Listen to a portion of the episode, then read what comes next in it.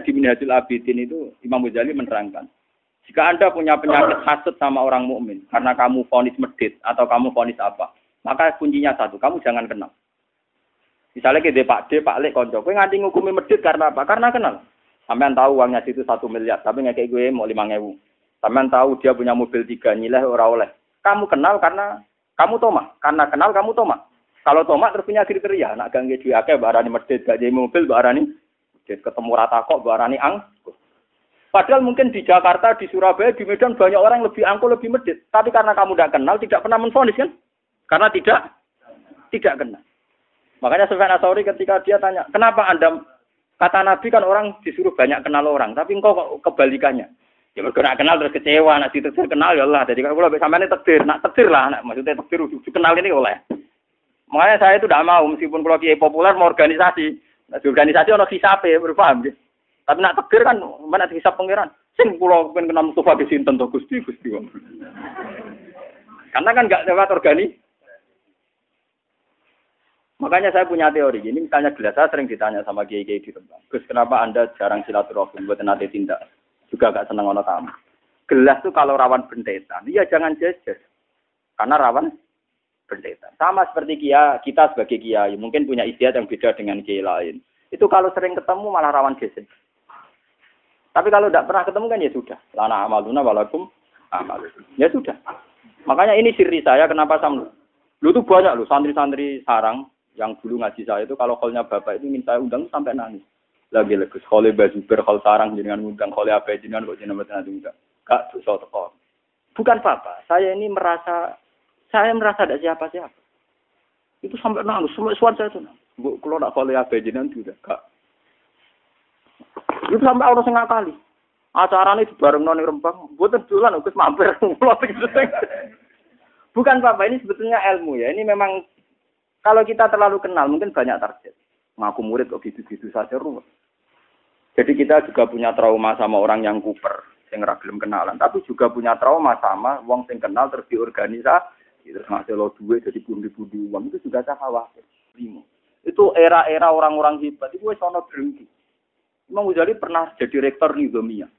Itu diangkat oleh presiden namanya Nizamul Mulk. Itu sudah banyak yang drengki karena kumpul orang mesti dia difasilitasi namanya rektor. Di Baghdad itu dulu sudah maju. Dia akhirnya minggat, gowo mau gowo timber tok dom jahit, minggat ning Allah. Ya dia kalau ditanya, jenengan mulang ku ana manfaatnya akeh. Jawab dene ya tapi madharate akeh, akeh wong hasud wong drengki. Tapi jenengan kan manfaat. Nah aku ngerasa manfaat malah ra manfaat ilmu ilmuku eh pangeran. Aku nak ngerasa manfaat malah gak manfaat. Pokoknya sing kang ngandani dibantah. Mungkin harus kenal pangeran harus dikandani. Akhirnya si takok kaku atir takok. Takok dia betul tiba. Mereka minggatnya mau ganti tiba betul jahit. Betul gem jahit lho, lho. Mana kulo nu tentas kulo sing ono ya gem niku tak kok Imam Ghazali. Kulo nganti sakniki nak sarung kulo sing bedan niku tak jahit ya. Kok sing kaitan go salat nganti saiki tak jahit. Kenapa betul timba? Ya mereka mulai pangeran. Butuhku suwan itu pangeran mau sholat tok. Sholat itu butuhnya banyu. Banyu kaitannya be timba. Jadi aku gak timba tok. Mereka butuhku neng alat mau. So, aku betul dong. Sekarang aku mau sih. Nah, tak jahit. Ya itu seminggat. Seminggat di hutan terus dia ngarang isya. Ngarang isya, ngarang minhajul abidin. Semua kitabnya beliau itu dikarang di hutan. Tapi hebatnya beliau meskipun ngarangin di hutan, beliau ngarang muamalah bil Misalnya kalau sama istri baiknya kayak apa, nak ketemu santri kayak apa. Maksud dia ya bilang, nabi santri sing ape, sing halus, bojo sing halus. Jadi dia ini dia ngalas, ngurus urusan be uang. Tapi dia tetap ngomong begitu, ya kan lucu tuh. Nah, sebenarnya dia minggat di alas itu trauma. Ini kalau nanti jadi tentang mereka. Beliau sempat itikaf di Masjid Aqsa. Tapi dia rektor populer sekali. Pas itikaf di Masjid Aqsa, dia gak ada yang tahu kalau dia Imam Ghazali. Ya namanya wong soleh kan itikaf itu neng masjid kan orang ini klub, dia ini tetap neng masjid. Kan kamu gede nih gue gue wisata. Bareng pas dia bebo melok ngaji, pokoknya kepen jadi wong awam. Ternyata si ustadznya yang mulang itu dia muni kolal Ghazali sedikit sedikit nyebut kolal apa? Itu Imam Ghazali ada di situ. Meriang deh. Wah, nah, aku itikaf neng gini susu konangan aku Imam Ghazali bar terus minggat lagi. Jadi dia minggat di hutan sebenarnya dari beberapa pilihan. Berkali-kali dia minggat di masjid. Ternyata guru-guru di situ pegangannya kolal. Yang kulo saat kulo nanti ngalami bolak-balik. Kulo biasa nganti saat hitung pasar. Rani Ki Nur Salim kalau sing jenenge Gus Ban. Jenengan kenal itu aku itu kula. Waduh. Wah, mata Eh, geng kertas Lah jenengan apa ada waduh. Jenengan kok aneh-aneh mboten urusan kula. Nganti saat ini sering kalau badai teng sarang itu kan sering ngebis, sering gue mobil, sering pas ngebis sering diceritakan. Anak kula sekolah teng sarang pun alia, ya alhamdulillah pun ngalim dia meninggal. Ada gurunya itu saya. Pas saya ke situ tuh mau mulang. Bareng pas jalan dia mau ke madrasah bareng berarti nabi itu budi, berarti ini madrasah. bareng ketemu anak-anak sudah nyucuk pulang. Masuk aja ini kan Gus Batu, eh kasus singkir. Wah makanya itu saat saya aja ngalamin gitu, apalagi imam itu. Itu udah ada yang kenal di Palestina. Semua kenal Kolal Ghazali, tidak tahu orangnya. Gak ngerti orangnya sedang itikam. Ya wudhu, secara saya ya turun secara beduk lah ke mana, kemulan terus ngerti. Waduh, ya cara saya ini. Nah, ini hanya amar, sepanjang ini. Oh, orangnya aman. Kowe ora bodoh, pancen bodoh tenan. Kulo nu de kanca niki kisahnya. Kulo nu de kanca mulai mondok nu puluhan tahun kalian kulo. Kulo ora alim, kok senengane dukun. Bocah senengane apa? Dukun. Orang alim, nanti saya nyai orang alim, jadi tetap orang alim. Iku tiap ana wong takon, sajane kula ya iso, tapi wedi riya jadi ben dijawab Gus Ba. Wong kula kurang ajar. Dianggap pertanyaan angel-angel dene. Sajane kula ge saged, tapi timbang kula kuatir riya, pamer di kesane dijawab Gus Ba mawon.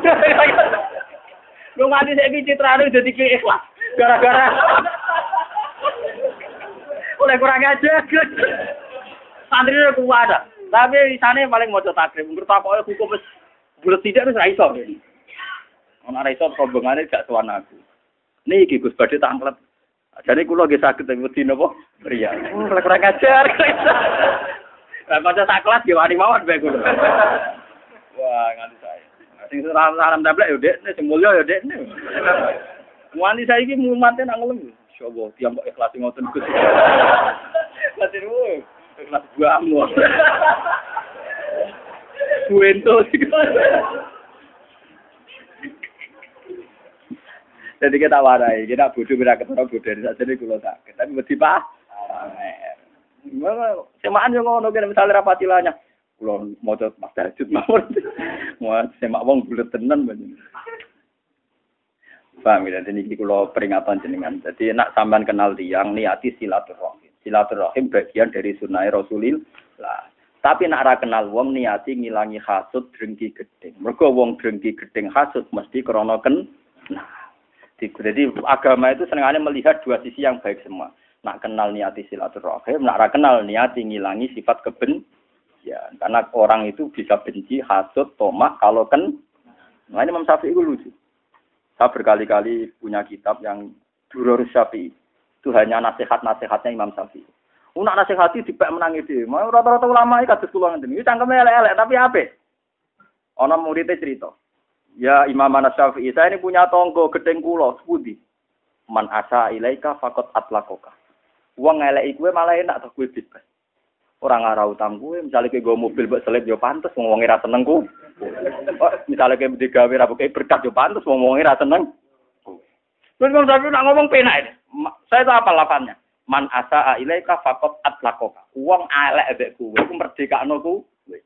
Iya lah, misalnya kue ketemu aku gue mobil gak gue deki apa antes masuk gue Gus Bara deki. Misalnya aku masih sepeda motor Mustafa Kuduana suka nyeben tetep tak deki tuh Mustafa makhluk iki aku kenal. Tapi nak Mustafa terkenal tukang ngerasani kula ngelek kan kok solid mereka. Lagi Imam Syafi'i nang ketika ada sepeda man asa ilaika fakot atlako kawo ngelek iku malah eh. Kalau ke wong kiai apal Quran kiai kan rata-rata ono sing gedeng malah penak bebas jambatan nah lah nak sing api iku lho? Sing api iku ya dibagusi. Bagusi wong perintah kanjeng kabeh sedanten ya apik kabeh menyang pangeran gawe ku apik cuma kowe utekem iso nampa ta ora muridnya nih antal imam jadi imam tenang lah kula nganggo mantap sing ngoten pokoke enak Nanya diterbir kenal, misalnya kalau Mustafa kan diterbir kenal, anggap aja silatur Nah, sing diterbir kenal ngilang no visa. Karena kalau tidak kenal tidak ada toma, tidak ada hasut, tidak ada memperbudak. Ini podo enak, pun aja Itu jenenge sujud. Ini jenenge sujud. Tunduk ambek kabeh kersane pengen. Misalnya kita bojo sudah, ya enak. Kena arah harmonis pantas, mergo bojom ju. Nah, bojom harmonis, ora mbok lus-lus kan gak pantas. Mun bojo kula nganti saiki arep-arep kula ngamuk. Perkarane nggih ngoten. Kula jajal, semua mau jinan kepen Bu Walis ora Bu Walis. Malah enak ta, Mbak. Aku nak mah yo terus pantes.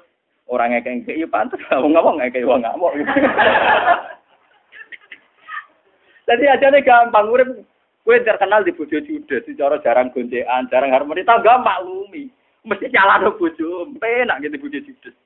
Cara kowe rapati napa kowe mesti wong nyalano bojo. Kowe di bojo ramah lupa nabian, kelaparan mesti wong nyalano kowe kabeh. Wong bojo apike ngono dibaro kelah. Jadi kan ana pada Imam Syafi'i judes ya oke. Apa yo? Kowe ulama tenan. Aku lho cek eling kata-katane. Man asa ilaika faqat atlaqaka. Wong sing eleki berarti bebasno kowe. Bebas tenan. Wong tukang ngrasani elek kowe cek ketemu ning jualan cek apa solid kan kiame. Kono yo maklumi. Perkara jen musuh, musuhe. Wah, kowe damai, damai. Nah, kalau dua kata-kata duror syafi. Nah, terus Imam Syafi'i lucu nggih, Pak. Niki sing kanggo hafal Quran. Agar bunyi mau coba anu khatam. Jadi lu hebat Imam Syafi'i di Gus Dur. Nah Gus Dur tak Gus, ada ini orang rasional, kenapa kok sering ning kuburan? Tapi sama orang hidup ditipu melulu. Dari konconan wong urip bodoni wae. Nah, orang mati kan sudah tidak bisa apa? Menipu. Iku yo nane Gus kenapa sering ke kuburan? Habis dengan orang hidup sering apa? Ditipu. Nah Imam Syafi'i walian tiap malam tuh khatam Quran. Itu Imam Syafi'i sudah gitu itu masih kalah dengan Imam Bukhari. Imam Bukhari itu kalau pagi itu khatam sampai jam 4. Malamnya bayi khatam lagi sampai subuh. Jadi satu hari dua dua. Tapi kalau ditanya kenapa Imam Syafi'i engkau kok bisa khatam Quran tiap malam dan penuh? Lah iya jagungan sampai wong sing tak senengi wae asik. Jagungan mbek menungso sing pinter wae asik. Pemenaki jagungan mbek pengiran. Dimang jagungan mbek makhluk, ada jagungan mbek napa? Pengiran. Jadi dia ya asik saja. Dan dengan penuh ta'azus. Ta'azus itu angkuh tapi benar. Kalau bahasa Arab itu ya kalau sombong itu takabur. Tapi kalau sombong tapi benar namanya ta'azus. Namanya ta'azus. Jadi kalau sombong benar namanya ta'az. ta'azus. Dari Imam Oh itu nafsi an ayatakal lama di makhlukin. Saya ini menghormati diri saya. Kalau saya bisa jagungan dengan Allah, ngapain jagungan sama makhluk? Jadi tiap ngaji kok eling penjagaan Mustafa. Ah makhluk enteng. Mau cokoran mana? Misalnya kangen buju anak. Ah makhluk terus noy. Sampai dia ringan baca Quran hatam karena dia mikir daripada jagungan makhluk ora jelas. Ada jagungan mbek sinten? Allah Subhanahu wa Ulama dulu itu tertanam ini namanya mikir. Dia sudah tertanam mikir. Sama seperti saya Said Zainal Abidin itu pernah dia sholat, terus rumahnya itu roboh, kebakar. Ketika kebakar orang teriak-teriak ya Said Zainal Abidin, rumah anda ini terbakar. Dia sholat. Sampai orang memadamkan api, bajunya mulai kena api itu dia masih sholat. Ketika ditanya, apa tadi Anda merasa ada api? Tidak, saya tidak merasa ada apa-apa. Kenapa Anda tidak merasa apa-apa? Saya sedang asik dengan Tuhan. Tapi tadi ada api, masih menakutkan murka Tuhan. Aku kena geni paling mati, nak kena murkane pangeran. Gak barbar nganti dunia nopo. Itu orang dulu. Jadi orang-orang dulu itu memang wakorofikal di hatinya sudah tertanam begitu. Tidak sekedar sholat rutinitas, tidak, tidak sekedar. Memang mereka sudah punya prinsip bahwa kebutuhannya kepada Allah itu hebat. Sampai Imam Syafi'i itu janggal. Mau kok asik jagoan makhluk itu maunya apa? Itu dia asik tiap malam baca Quran Hatam. Terus pagi biasanya orang memiliki setengah delapan baru ngajar. Ngajar sama muridnya namanya Imam Muzani, Imam Bueti, sama Imam Rofi. Kalau ngajar beliau Imam Rofi bagian nulis, terus Imam Bueti itu teman berpikirnya. Sama Ahmad bin Hambal, itu termasuk ngaji. Ya, ya ngaji aja, ditanya. Paham gitu. Terus ini pentingnya mikir. Nah itu sujud namanya. Dia sudah tahu. Kan kita misalnya sampai takut pengiran iso jawab. Mungkin nak sholat piro? Apa susuk 10 menit. Nah jagungan paling cepet. Setengah jam itu. Apa lebih asik kamu jagungan sama si A si B ketimbang sama saya? Kena iso jawab. Misalnya Allah tanya. Mungkin nak jagung, nak sholat pas susuk pira menit? 10 menit. Tapi nak gue jagungan Mbak Fuadin paling cepet piro? Tengah jam. Apa betul Fuadin lebih penting ketimbang saya? Lebih asik ketimbang saya? Kena itu jawab, ketok kan. Tidak bisa kan? Mulane kula paling pede nggih pas ngaji. Kan mulang pangeran, nerangno pangeran. Mulane kula ora ora sisape. Ini penting kalau aturakan biar sampean itu tidak terjebak. Jadi ini ini masalah prinsipnya orang alim. Biar sampean tahu khas-khasnya orang alim. Banyak orang yang protes, Gus kenapa jangan kalau pas ngaji asik nak ditamoni ra asik. Cangkemmu om, ya beda ngaji mesti bener ya. Nampa tamu ra mesti napa? Bener. Kecuali tamunya itu ya itu tadi nak tepaan petir ya gak apa-apa. Pak Guru ini maling. Ini penting kalau aturakan. Jadi nak sampean ditekir kenal, niati silaturahim. Nak ora kenal, ngilangkan kebencian, ngilangkan tomak, ngilangkan peleceh, peleceh. Terutama tomak, yang paling berat ngadepi wong. Kulon sering berkali-kali bina santri-santri kulon. Gus, nak kancanan wong sudah rawan tomak. Nak kancanan wong ayu rawan sahabat. Iya kancanan wong larat lawan melecehkan. Lho nggih, sampean ketemu wong ayu rawan salah, khawatir sahabat khawatir selingkuh, khawatir macam-macam. Kenal wong sugih rawan tomak, kenal wong elek padha rawan. Elek untuk metu kere, padha ngenyek dosa. Utawa ketemu santri melarat rawan bobot budak. Menjadi cah dua alam nganti rupane ra rupa wong. Kiai ini mengongkon mergawe ngajelo du duwe. Lho tak dalamku ganteng-ganteng, sampai tak dalamku sing itu ya, ya perkara kula jarang ngongkon. Kula sering ngomong mbek bojo kula. Urip ning donya coba Quran liya bluakum. Kenal wong ayu rawan sawah, kenal wong elek rawan ngen Ya.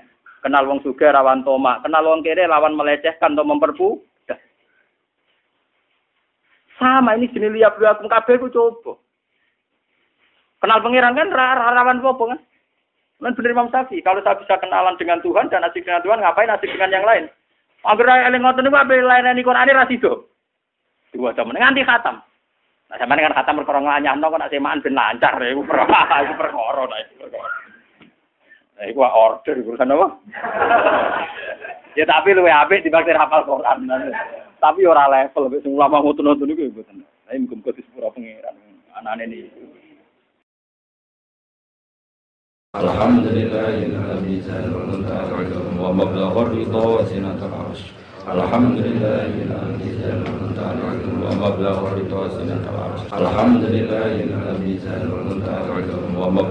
wa